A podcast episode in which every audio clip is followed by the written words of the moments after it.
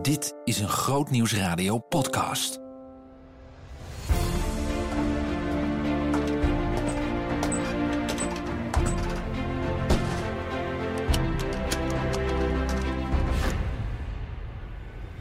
Maar ook in sommige landen, daar telt de vrouw nog bijna niet mee. Ik had vaak het gevoel, misschien is dit wel het allerbelangrijkste werk wat ik doe. Gewoon hier zijn. De Open Doors Tapes. Deel 2. Ik ben Anneke Compagnon. Ik ben 72 jaar en mijn man en ik hebben jarenlang bij Open Doors gewerkt. Maar sinds 2011 zijn we met pensioen, zoals dat heet. En pensioen betekent gewoon dat je je verantwoordelijkheid neerlegt. Dat je nee mag zeggen als mensen je vragen om iets te doen. En dat je in plaats van een leidinggevende rol een supportive rol mag hebben. Juist voor alle mensen die jouw werk hebben overgenomen. Wij zijn voor het eerst met Open Doors in aanraking gekomen. Doordat Anne van der Bijl in uh, zijn blad Kruistochten schreef dat zij een medewerker nodig hadden een technische man om zendelingen in Vietnam te helpen. Anne was in Vietnam geweest en zag in de tijd van de oorlog hoe zendelingen heel veel tijd kwijt waren met raakten met sociale projecten, met uh, technische dingen. En hij zei: Is er nou niemand in Nederland, het liefst een jonge man, die een technische opleiding heeft en die naar Vietnam wil gaan om daar de zendelingen te helpen? En mijn man, of mijn, toen was het mijn vriend Johan, las dat. En het was in een tijd waarin wij echt uh, de Heer Jezus hadden ontmoet en in vuur en vlam stonden om, uh, om Hem te helpen om zijn koninkrijk te bouwen. En we baden voor alles en iedereen wat op onze weg kwam. Dus Johan las dat blad en die dacht, nou, ik ga bidden dat God iemand stuurt. Maar hij bleef daar steeds aan denken en had het gevoel dat God tegen hem zei, oh, en waarom ga je zelf niet? Ik dacht dat jij iedere keer op straat staat te zingen: Heel mijn leven wil ik wijden. Waarom ga je zelf niet? Dus wij zijn als verliefd stel op een zaterdagochtend naar Ermelo gereden. Daar woonde Anne van der Bijl toen. En daar hebben we gezegd: Nou ja, we willen er graag meer weten over wat je in het blad gezet hebt. En toen we terugkwamen, toen wisten we allebei heel duidelijk: Johan moet dit doen. Uh, we zijn toen verloofd en hij is eind 1968 naar Vietnam vertrokken. Dat was een land dat volop in oorlog was in die tijd. En Anne van de, van de Bijl, ja, die is altijd al heel bijzonder geweest. Dus die zei op zijn uitzendingsdienst: uh, Nou ja, God zegt wel dat Johan moet gaan, maar hij belooft niet dat hij terugkomt. Dat was natuurlijk precies wat ik als 19-jarig verliefd meisje, die daar zat te huilen op de voorste rij, wilde horen. Maar toch wist ik heel zeker, dit is wat God nu van ons vraagt. Ik stond voor de klas in die tijd en Johan ging naar Vietnam. En het was een heel moeilijk jaar. Maar achteraf, heel veel dingen zie je pas achteraf waarom die in je leven gebeuren. Heeft het een fundament gelegd onder ons huwelijk later. En ook onder het werk wat we jaren later gingen doen. Dat was de eerste uh, ontmoeting met Open Doors. Maar toen zijn wij, is Johan teruggekomen en Anne van der Bijl was een beetje een mentor voor hem. En die zei: Nou, Johan, wat wil je nu? Wil je de rest van je leven technisch werk doen? Of wil je echt als zendeling teruggaan naar Vietnam? Nou, Johan wilde overal naartoe terug, behalve naar Vietnam. Want het was een moeilijk jaar geweest, ook in, in relaties met sommige van de mensen daar. Dus hij wilde overal naartoe, behalve naar Vietnam. Maar hij wilde wel zending in. Dus wij zijn getrouwd, wij zijn naar een bijbelschool gegaan. En terwijl we daar waren, kwam er een roep uit Vietnam van zendelingen die hij daar ontmoet had. Kom alsjeblieft terug, kom ons helpen. Dus in 1975 zijn we met de KAMA-zending teruggegaan naar Vietnam en daar hebben we gewerkt tot 1975. Toen kwamen de communisten, die namen het hele land over en alle zendelingen moesten plotseling vertrekken. Dus daar stonden wij april 75 met twee koffers en twee hele kleine kinderen. En wat nu? Johan kreeg allerlei uh, verzoeken om te komen vertellen in kerken, op vrouwenbonden. Dus hij was bijna elke avond weg om zijn verhaal te vertellen. En toen stond opeens Corrie van der Bijl, Anne zijn vrouw, bij ons op de stoep met een brief van Anne. Want zoals meestal, Anne was op reis, maar had wel een brief geschreven en aan Corrie gevraagd: wil je die aan Johan geven? En daarin stond: als je niets te doen hebt, kom dan bij mij, want in Vietnam wordt de kerk nu vervolgd. Nou, dat niets te doen, dat uh, sloeg nergens op. Want Johan was bijna elke avond weg. We hadden heel veel nog te doen. Maar we zijn er wel over na gaan denken. We hebben een paar maanden daarvoor gebeden. En toen uh, is Johan in augustus voor een interview gegaan naar Open Doors. En hij dacht, nou, ik ben een technische man en uh, ze verbouwen daar auto's om mee te smokkelen. Dus ik zal wel in de garage komen werken. Maar toen hij terugkwam, had hij een baan aangeboden gekregen om Director of Development te worden. We moesten eigenlijk verschrikkelijk lachen, want Amerikanen waren toen eigenlijk bezig met de eerste herstructurering van Open Doors, dat erg aan het groeien was. En uh, Amerikanen benoemen iedereen tot director. In Nederland was dat toen nog. Dus uh, ja, nou zo leer je snel. Uh, Johan is toen eerst gaan werken voor Open Doors Nederland. Heeft zich bemoeid met het blad. Er waren nog maar heel weinig mensen, dus iedereen moest alles doen. Heeft veel gesproken op samenkomsten. Als men, mensen belden naar Anne van der Bijl. Uh, het boek God Smuggler was toen net in het Engels uitgekomen. En Anne kreeg daardoor heel veel bekendheid. En dan zeiden ze, nou, we willen Anne van der Bijl graag hebben als spreker. En dan zei Johan, nou, Anne is veel te druk, die kan niet, maar ik wil wel komen. en zo ging dat. Dus dat heeft hij een tijdje gedaan. Toen werd Open Doors steeds groter in Europa. Toen werd hij hoofd van Europa. Maar na een paar jaar kwam Anne van der Bijl bij hem en zei: Johan, ik heb iemand nodig om met me mee te reizen. Het is zo zwaar om alleen te gaan. Uh, dat houdt van alles in. Ten eerste moet je een dienend hart hebben. Dus je moet koffers dragen, je moet mensen bij me weghouden. Je moet ook als ik je roep, uh, ook iets vertellen vanaf het podium. Dus dat is een enorme opleidingstijd geweest voor Anne. Dat heeft hem voor Johan. Dat heeft een band gesmeed met Anne. Maar het betekende wel dat hij met Anne de wereld ging overreizen en dat ik thuis bleef. Dat was niet erg, want uh, al in Vietnam um, had God duidelijk tot me gesproken dat um, wij, wij hadden eigenlijk tot dan toe alles samen gedaan. We hadden samen taalstudie gedaan. We hadden samen die opleiding op de Bijbelschool gedaan. We hadden samen de kinderen uh, schone gegeven. Sa samen het huishouden gedaan. Maar nu brak er een tijd aan dat mijn eerste verantwoordelijkheid zou worden. Um, Johan ondersteunen in wat hij deed en voor de kinderen zorgen. Dat is soms een kleine periode in je leven. Maar het, ik snapte toen helemaal niet waarom dat God dat zo duidelijk op mijn hart legde. Maar toen kwamen we bij Open Doors en toen begreep ik het. Want toen dacht ik, ja, als ik nu mijn eigen ding ga doen en hij is altijd weg, dat is niet goed voor drie kleine kinderen. We kregen, hadden toen net nog een baby erbij gehad. Dus de eerste paar jaren is dat ook zo gebleven. Ik was in Harderwijk en hij reisde met Anne. En toch hebben wij altijd het gevoel gehad: God heeft ons alle twee geroepen ook voor Open Doors. En ook al zijn onze rollen nu heel verschillend, we doen dit samen. En dat heeft mij heel erg geholpen in de jaren dat ik alleen was. Dus ik had het gevoel, um, ik werk niet bij Open Doors, ik heb geen titel, ik krijg geen salaris, maar ik ben wel heel erg betrokken bij het werk. En Johan heeft daar een sleutelrol in vervuld, door altijd maar tegen mij te zeggen: Moet je horen, wij doen dit samen. En ook door mij te betrekken bij wat hem bezig hield. Ik was zijn klankbord. Als er mensen op bezoek waren, dan bracht hij ze mee naar huis om te eten. Dus hij, hij zorgde er ook voor dat ik het gevoel had: ik doe ertoe, ik mag meedoen, we doen dit samen. En um, ja, ik denk dat dat de reden is waarom ik niet terugkijk op die tijd als een hele moeilijke tijd.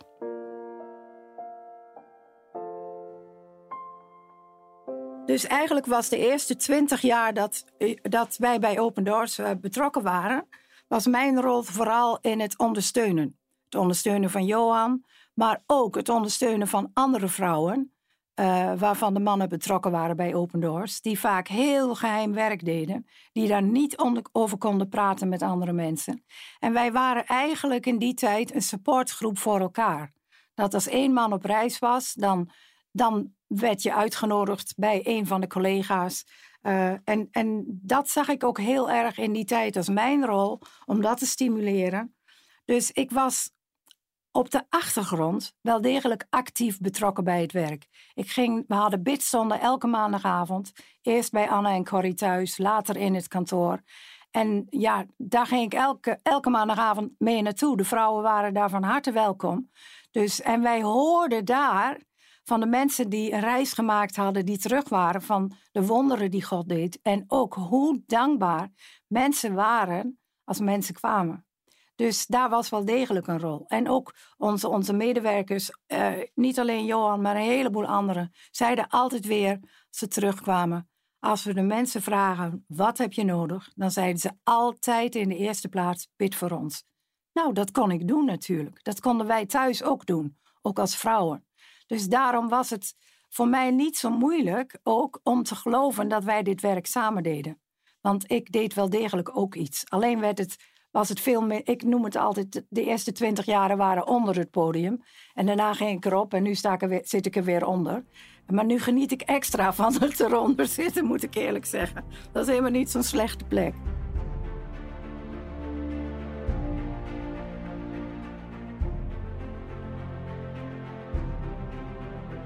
Misschien kan ik iets vertellen over ehm, hoe het was, ook voor onze kinderen.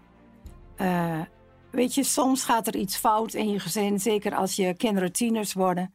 En dan vraag je je wel eens af van, ja, wat voor effect heeft dat nou op hun gehad dat hun vader zoveel weg was?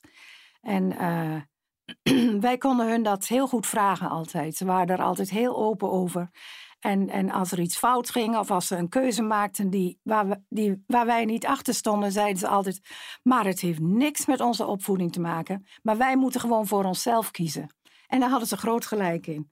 En, en, en er was natuurlijk heel veel ook in hun levens gestopt. Ja, hun vader was vaak weg, maar ze hadden ook geweldige voordelen daarvan ervaren, want de hele wereld zat bij ons aan de eettafel. Uh, wij, wij gingen op een gegeven moment een keer naar Amerika en we verbaasden ons erover dat al onze kinderen, inclusief de jongste van zes, Engels konden spreken. Nou, dat kwam natuurlijk wel een beetje ook door televisie kijken, maar ook heel veel hadden ze gewoon opgepikt thuis. En, we betrokken hun ook niet bij alle moeilijke dingen of alle heel verdrietige dingen, maar we hadden in die tijd gebedskaartjes van Open Doors. En uh, een Russische broeder die ooit bij ons op bezoek was, die zei ooit: God luistert extra naar het gebed van kinderen. Want kinderen zijn zo puur. En ik herinner me een van die gebeden van een van onze zonen, die bad toen Brezhnev, de leider van de Sovjet-Unie, was overleden. Toen bad onze Mark, nou heer, deze is nu dood. Als u nu even een christen aan de macht brengt, dan zijn we van dit hele gedoe af. En wat gebeurde er? Er kwam Andropov, weet ik nog. Er kwamen de drie, die waren maar heel kort aan de macht. Die overleden allemaal. En toen kwam Gorbachev. En toen heb ik heel vaak teruggedacht aan het gebed van dat kind. Hoe, hoe echt dat was. Dus uh, een van de kostbare momenten was toen wij met pensioen gingen. En toen alle drie onze kinderen op, die, op dat afscheidsmoment iets gezegd hebben. En een van onze jongens had een, een zware ongeluk gehad in onze open doorstijd. En die stond onder tranen op het podium en die zei: Weet je, ik heb eigenlijk altijd twee families gehad. Mijn echte familie, mijn ooms en tantes. Maar Open Doors was ook mijn familie. Toen dacht ik, nou, wat kostbaar.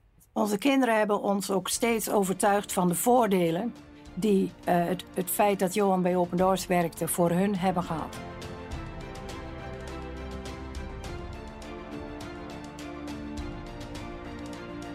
Er brak voor mij een andere tijd aan, al had ik dat helemaal nog niet in de gaten. Toen ik een verhaal hoorde uh, van een Vietnamese dominee die bij ons op bezoek was. Hij vertelde over Dio Win. Dio Win kenden wij heel goed. Hij was een stammenpredikant die vlak bij ons woonde in een vluchtelingenkamp toen wij taalstudie deden in de stad Dalat. Elke zondag gingen wij naar hem en naar zijn vrouw uh, en alle medekampbewoners naar de kerk, want bij hun was echt opwekking. Er waren heel veel mensen uit hun groep tot geloof gekomen. Hoewel ze hun land, ze woonden aan de grens met Cambodja, daar moesten ze allemaal van wegvluchten vanwege het gevaar van de oorlog. Maar God was ontzettend aan het werk in, in die mensen. En als je taalstudie doet, dan ken je heel veel momenten van ontmoediging. Dat je denkt, oh, ik leer dit nooit. En dan kun je zo bemoediging gebruiken. En die kregen wij elke zondag. Door daar te zien wat God deed. En ehm, ik kende daarom deze predikant goed. Ik kende zijn vrouw goed. We hadden gesprekken samen. We zagen hun functioneren. En toen wij terug moesten naar Nederland, plotseling was natuurlijk al dat contact verbroken. Na een paar jaar hoorden wij dat Dieuwen, deze predikant, um, gevangen genomen was. Dat zijn vrouw, zijn kinderen en de andere uh, mensen die in het kamp woonden, allemaal teruggestuurd worden, waren naar hun dorpen aan de grens met Cambodja. Maar wat er met die gezinnen gebeurd was, daar hadden we geen idee van. Maar we hoorden wel steeds meer berichten over Dieuwen, omdat sommige gevangen vrij, gevangenen vrijkwamen en sommige vluchten naar het westen. En we hoorden dat Dieuwen gevangen zat in Noord-Vietnam, dat hij daar gewoon doorging met evangeliseren, dat hij mensen doopte, medegevangenen in het bos als ze daar aan het werk waren. En Johan en Anne, die reisden in die tijd de wereld rond, die hadden een foto van deze predikant. En dan vroeg Johan aan iedereen die die ontmoette, wil je alsjeblieft bidden voor Dieuwen, die samen met heel veel andere Vietnamese predikanten gevangen zit in Noord-Vietnam. Dat wisten we, dat deden we. Maar toen hoorde ik van deze Vietnamese gast wat er met Xoep gebeurd was. Xoep was de naam van de vrouw van dominee Diewin. Zij moest terug naar het dorp, zij kreeg haar tweede kindje, helemaal alleen. Ze was gestigmatiseerd, haar man zat in de gevangenis en dat was de tijd dat de kerk in Vietnam heel erg vervolgd werd. Ze moest zelf op het land werken. Er, de, de mede-christenen, de kerken waren dicht. Het was gevaarlijk voor andere christenen om contact met haar te hebben. Dus ze was volkomen alleen. Zij was dus terug in haar dorp. En op een dag kwam daar een knappe Vietnamese jongeman en die zei: Die man van jou, die komt nooit meer terug, hè? dat begrijp je toch wel. Die, uh, die zie je nooit meer terug, maar ik vind jou zo leuk en ik zie hoe hard jij moet werken. Als je nu eens met mij trouwt, dan zorg ik voor jou en voor je kinderen. Maar ik zoep weigerde, want ze zei: Ik wacht op mijn man en ik heb niet gehoord dat hij niet terugkomt. Het volgende bericht wat ze kreeg was natuurlijk: Je man is overleden. Toen heeft ze er lang over nagedacht en toen leek dat aanbod toch wel heel goed voor haar te werken. Dus ze is met deze meneer getrouwd. Maar na een tijdje kwam er een heel erg bericht en dat was: we hebben een vergissing gemaakt. Jouw man, Diewin, leeft nog, maar zijn broer, ze hebben hem verward met zijn broer. Zijn broer is overleden. Nou, ik heb me toen ik dat hoorde heel vaak afgevraagd: wat moet dit geweest zijn? Je woont, je bent getrouwd met een andere man terwijl je eigen man nog leeft. Wie kun je om raad vragen? Predikanten zijn er niet. Ouderlingen zijn er niet. Iedereen is bang om met jou contact te hebben. Deze vrouw moet zo ontzettend eenzaam geweest zijn dat ze op het laatst geen uitzicht meer zag. Ze heeft vergif gedronken en ze is overleden. En toen ik dit verhaal hoorde, dat Xoep in haar eenzaamheid zelfmoord had gepleegd, toen heb ik gebeden tot God en ik zei: Heer, wij, wij moeten niet alleen aandacht vragen voor die mannen die gevangen zitten, maar we moeten ook proberen die vrouwen die alleen achterblijven te helpen. En als er iets is wat ik kan doen, wilt u me dat dan laten zien? Toen kwam er een moment, uh, wij mochten toen uh, als je man veel reisde, mocht je één keer per jaar mee. En Johan nam mij voor het eerst mee naar Amerika, waar hij moest spreken op een grote gebedsconferentie van Open Doors.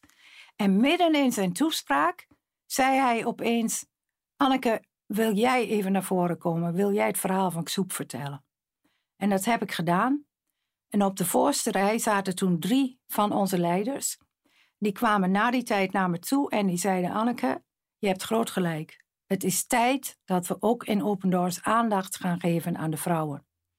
En zo is er iets ontstaan. Ik had ook het gevoel, als we, we iets willen doen, dan moeten de mannen daarachter staan. Dat was een tijd dat de leiders van Open Doors nog allemaal mannen waren. En ik kan niet anders zeggen dan dat ik ongelooflijk veel steun gehad heb in de jaren die daarop volgden. van onze leiders. Eh, vooral van mijn eigen man. Maar goed, hij moest natuurlijk wel voorzichtig zijn, want ik was zijn vrouw. Maar elke keer daarna, als ik met Johan mee mocht reizen, vooral de mensen, de veldwerkers, die gaven mij altijd weer mogelijkheden om de vrouwen te ontmoeten. Toen het moment kwam dat Johan het stokje van Anne overnam, uh, dat was eigenlijk ook het moment dat onze jongste zoon de deur uitging. Toen zei het bestuur: Anneke, we bieden je geen baan aan, maar als jij ziet uh, dat je iets kunt betekenen voor de vrouwen van de vervolgde kerk, dan betalen wij jouw reis om met Johan mee te gaan. En uh, die eerste reis was in 1998. Toen stonden er vijf landen op het programma. Ik ben het nooit vergeten. En uh, we hebben zoveel mensen ontmoet. En, maar nu kwam, was het voor Johan ook heel anders. Want hij kwam samen met mij. En daardoor kreeg hij niet alleen de mannen te ontmoeten. En was het niet alleen maar zakelijk of een spreekbeurt doen. Maar wij ontmoeten echtparen. En Johan was er heel goed in. In sommige landen moet je toch echt nog wel heel voorzichtig zijn om als vrouw het voortouw te nemen. Hij was er heel goed in. En dan stelde hij de vraag aan vrouwen: maar hoe was het voor jou? En dan hoorde ik hun verhaal. En dan konden we samen daarover verder praten. En ik weet nog die eerste reis, uh, een van de landen waar we toen waren, dat was Pakistan, Filipijnen, maar ik wil er één verhaal uitpikken. Dat we in China waren bij een van Gods speciale veterans, noemen ze. Ze zijn nu allebei in de hemel. Ellen en Alice Yuan. En Ellen had onder de tijd van Mao 22 jaar in de gevangenis gezeten. Hij liet zijn vrouw achter met zes kinderen, zonder hulp, zonder geld. In de allermoeilijkste tijd van de culturele revolutie en daarna. En hij had een heel getuigenis. Hij kreeg in die tijd heel veel bezoek uit het buitenland. En wij gingen daar naartoe op een avond dat hun huiskerk bij elkaar kwam. En uh, Ellen wilde voortdurend dat Johan vertelde over landen als Soudaan en Ethiopië. maar wij wilden zijn verhalen horen natuurlijk. En Alice kregen we nauwelijks te zien. Die was in de keuken met thee en alles. Ik vond dat heel jammer. Maar hij gaf ons aan het eind een, een, een geschreven getuigenis van hem. En er stond onderaan één zin. My wife suffered untold hardships while I was in prison.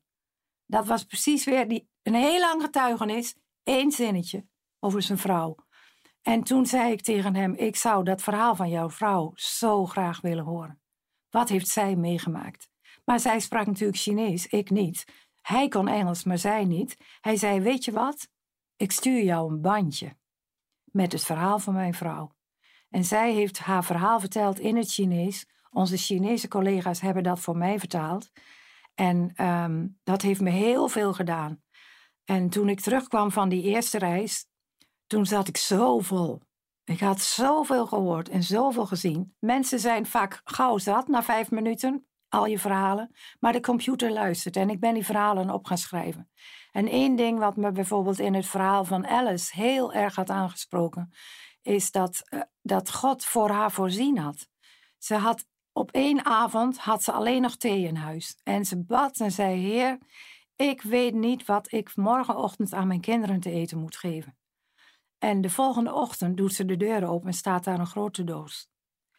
En ze wist niet wie die daar neergezet had. Ze heeft het later op allerlei manieren proberen uit te vinden, is er nooit achter gekomen. Maar er zat een heleboel eten in en ze kon weer een hele tijd vooruit. En zo vertelde ze verhaal na verhaal. Heel veel verdriet, heel veel nood, maar steeds weer was de rode draad. Maar God heeft voor me gezorgd. En ik, ik weet nog dat ik terugkwam en dat ik dacht. Uh, ik had ook natuurlijk wel eens, wel, eens, wel eens me afgevraagd: wat zou ik doen? Wat zou ik doen als ze Johan op zouden pakken? Wat zou ik doen als ze hem. En, en die verhalen waren er, hè? Een kogel door zijn hoofd schoot. Hoe zou ik reageren? Nou, dat weet je niet. Maar ik wist wel dat ik dezelfde God kende als Alice Johan. En dat, dat ik had ook genoeg gehoord over ruzies binnen vervolgde christenen, dat ik ook wist, zij zijn ook geen heiligen. Zij maken ook fouten. Maar wat mij altijd zo bemoedigd heeft, is hun God, is mijn God. En wat God voor Alice Johan kan doen, dat kan hij ook voor mij doen. En ik ben die verhalen opgeschreven toen.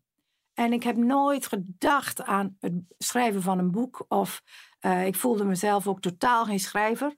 Maar ik stuurde die verhalen naar Johan. En Johan zat in Amerika. En de voorzitter van ons bestuur daar, die is advocaat, maar die was vooral um, gespecialiseerd in het helpen van schrijvers. Dus Johan liet hem dat verhaal van Xoep lezen en het verhaal van Alice Johan.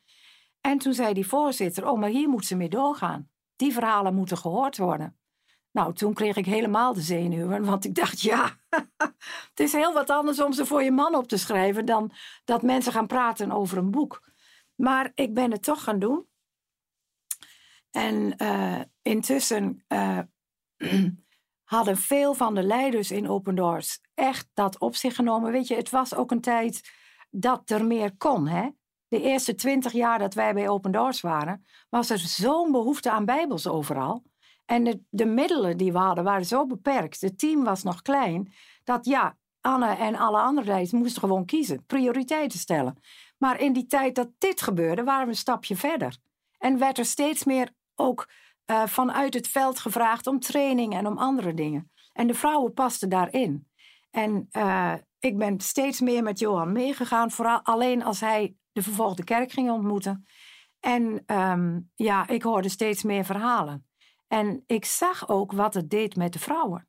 Want ik herinner me in sommige landen, kijk, in sommige uh, landen, daar, daar, daar, daar zijn vrouwen volkomen geaccepteerd.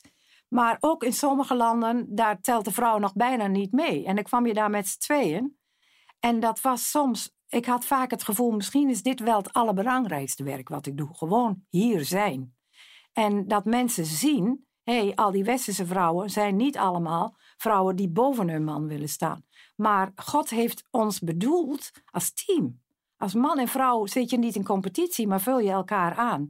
En doordat wij met z'n tweeën kwamen, uh, Johan vroeg dan ook: hey, uh, roep je vrouw eens even uit de keuken. We willen ook. En dat gebeurde. En dan, ik, weet, ik weet nog dat we in Tajikistan waren. En dat was ook zo'n land waar ze naar mij keken in het begin van... Komt zij doen? Komt ze onze vrouwen allemaal ophitsen, weet je wel? Maar aan het eind zeiden ze... Nou, ik heb wat geleerd. Mijn vrouw wil zo graag meer betrokken zijn bij ons werk, maar ik geef haar alleen maar het kinderwerk in de kerk, terwijl ze veel meer kan. Maar ik heb gezien aan jullie hoe mooi het is als je een team bent.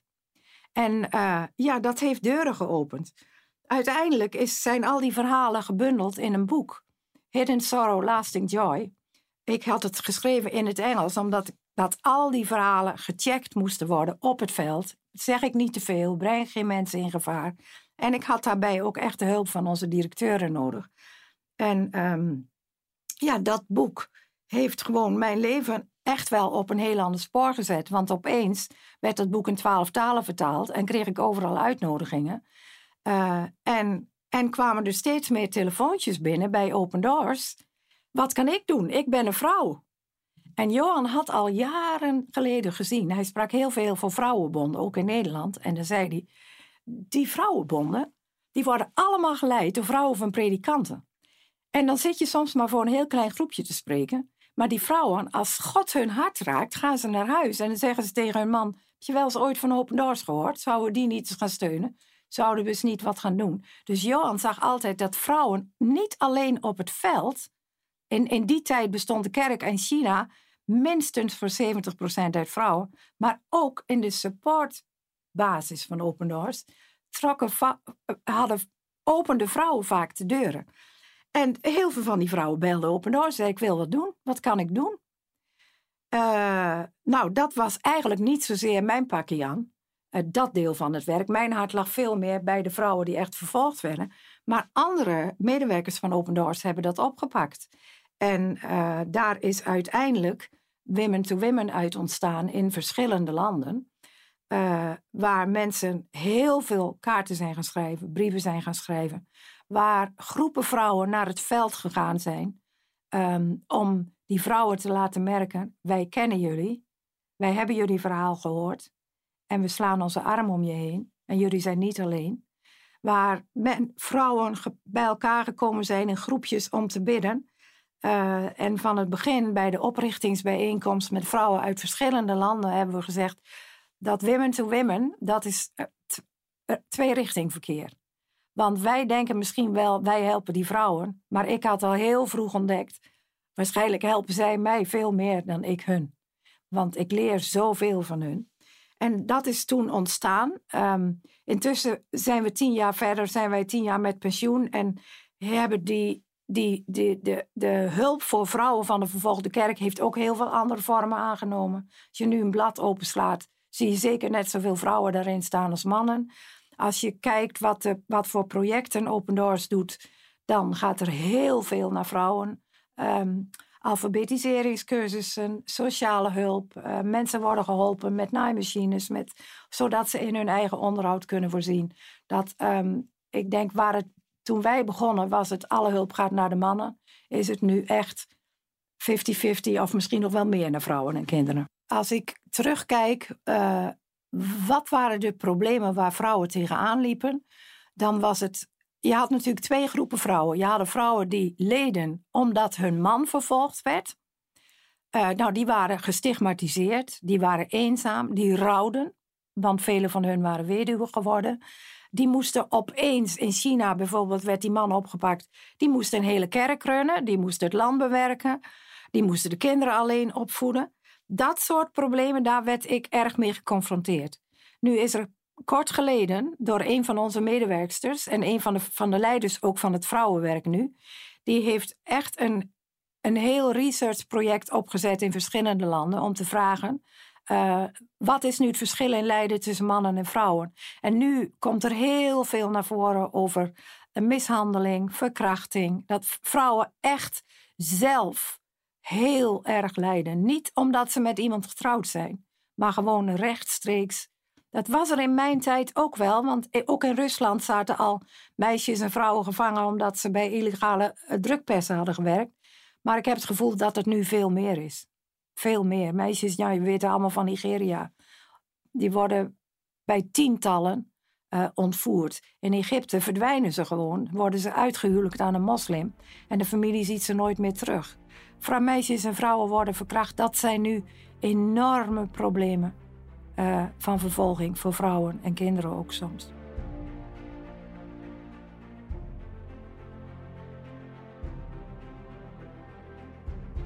Ik ben nu op een leeftijd dat ik terug kan kijken. En uh, soms vraag je je af, uh, wat, wat heeft het allemaal betekend? Heeft het echt zin gehad wat ik gedaan heb? En um, dan wil ik graag eindigen met iets wat ik uh, hoorde van Takush Hovsepian. Takush is een hele goede vriendin die ik vaak heb ontmoet en waar ik ontzettend veel van heb geleerd. Haar man is uh, op een hele gruwelijke manier vermoord in 1994 in Iran. En Takush is toen echt door een heel diep dal gegaan. En dat vind ik, vind ik eigenlijk um, nou, bemoedigend is niet het goede woord, maar ik vind het geweldig dat je bij God mag rouwen. En rouw is een proces en dat is ontzettend moeilijk, ook voor de vrouwen van de vervolgde kerk. Maar weet je, voor Takush was het zo bijzonder dat er mensen om haar heen stonden in die tijd. En uh, zij heeft ongeveer 2000 kaarten gehad van mensen over de hele wereld. Soms kun je daar helemaal niet naartoe zelf. Ik kon in die tijd niet naar Iran. Maar ik kon wel schrijven naar Takush. En dat hebben heel veel mensen gedaan. En Takush zegt, die kaarten van oude mensen, van kinderen, van allerlei mensen van over de hele wereld, die raakten me diep. Voor mij waren het geen kaarten. Achter iedere kaart zat een mens. Het was alsof God tegen me zei: Takush, je bent niet alleen. Al deze mensen staan om je heen. En dat is wat we proberen te doen bij Open Doors. Bidden voor mensen, schrijven, er naartoe gaan, hun laten weten. Het is ontzettend moeilijk voor je, maar je gaat er niet alleen, staat er niet alleen voor.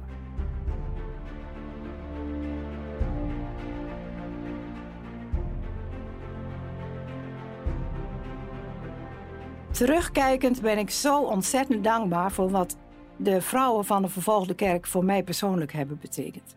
Weet je, soms uh, is het heel gemakkelijk om een beetje zielig, jezelf een beetje zielig te voelen. En ik herinner me tijden, vooral op zondagochtenden als Johan uh, op reis was, dat ik met drie kleine kinderen in de kerk zat en vooral onze twee zonen dat waren nou niet zulke lievertjes. En dan zag je al die echtparen waar de vader optrad tegen de zonen en ik zat daar alleen. En dan was het gevaar heel groot dat ik dacht, ach kijk, wat betaal je toch een hoge prijs. En dan meteen zag ik gezichten voor me.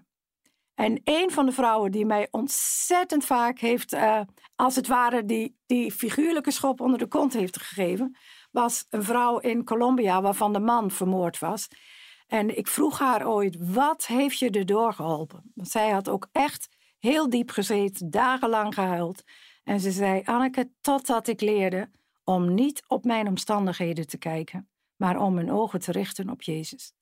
En ik heb die les heel vaak daarna in praktijk gebracht. Zodra ik me zielig begon te voelen, dacht ik: Anneke, niet je omstandigheden. Denk aan die mensen die het, die, het veel slechter hebben. Nou, ik weet dat je dat niet als dooddoener moet gebruiken. Want soms, en dat wil ik speciaal zeggen voor vrouwen die dit horen en die in heel moeilijke omstandigheden zitten, niet als dooddoener, want soms ben je wel zielig. En soms heb je grote nood. Ga dan hulp halen. Maar als je bent zoals ik, waarvan de man alleen maar drie weken op reis was, die eigenlijk alles had wat er hartje begeerde. Ik moest wel tegen mijn ziel zeggen, zoals staat in Psalm 43, wat buig je je neder? Kom op, kijk naar je zegeningen. Fix your eyes upon Jesus. Kijk naar Jezus. En dat heeft me door zoveel donkere dagen heen geholpen. Ik heb zoveel van hun ontvangen. En ze hebben mijn leven zo verrijkt. En ik hoop dat ik iets ook voor hun heb betekend.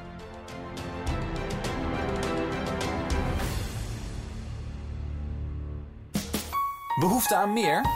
Grootnieuwsradio.nl slash podcast.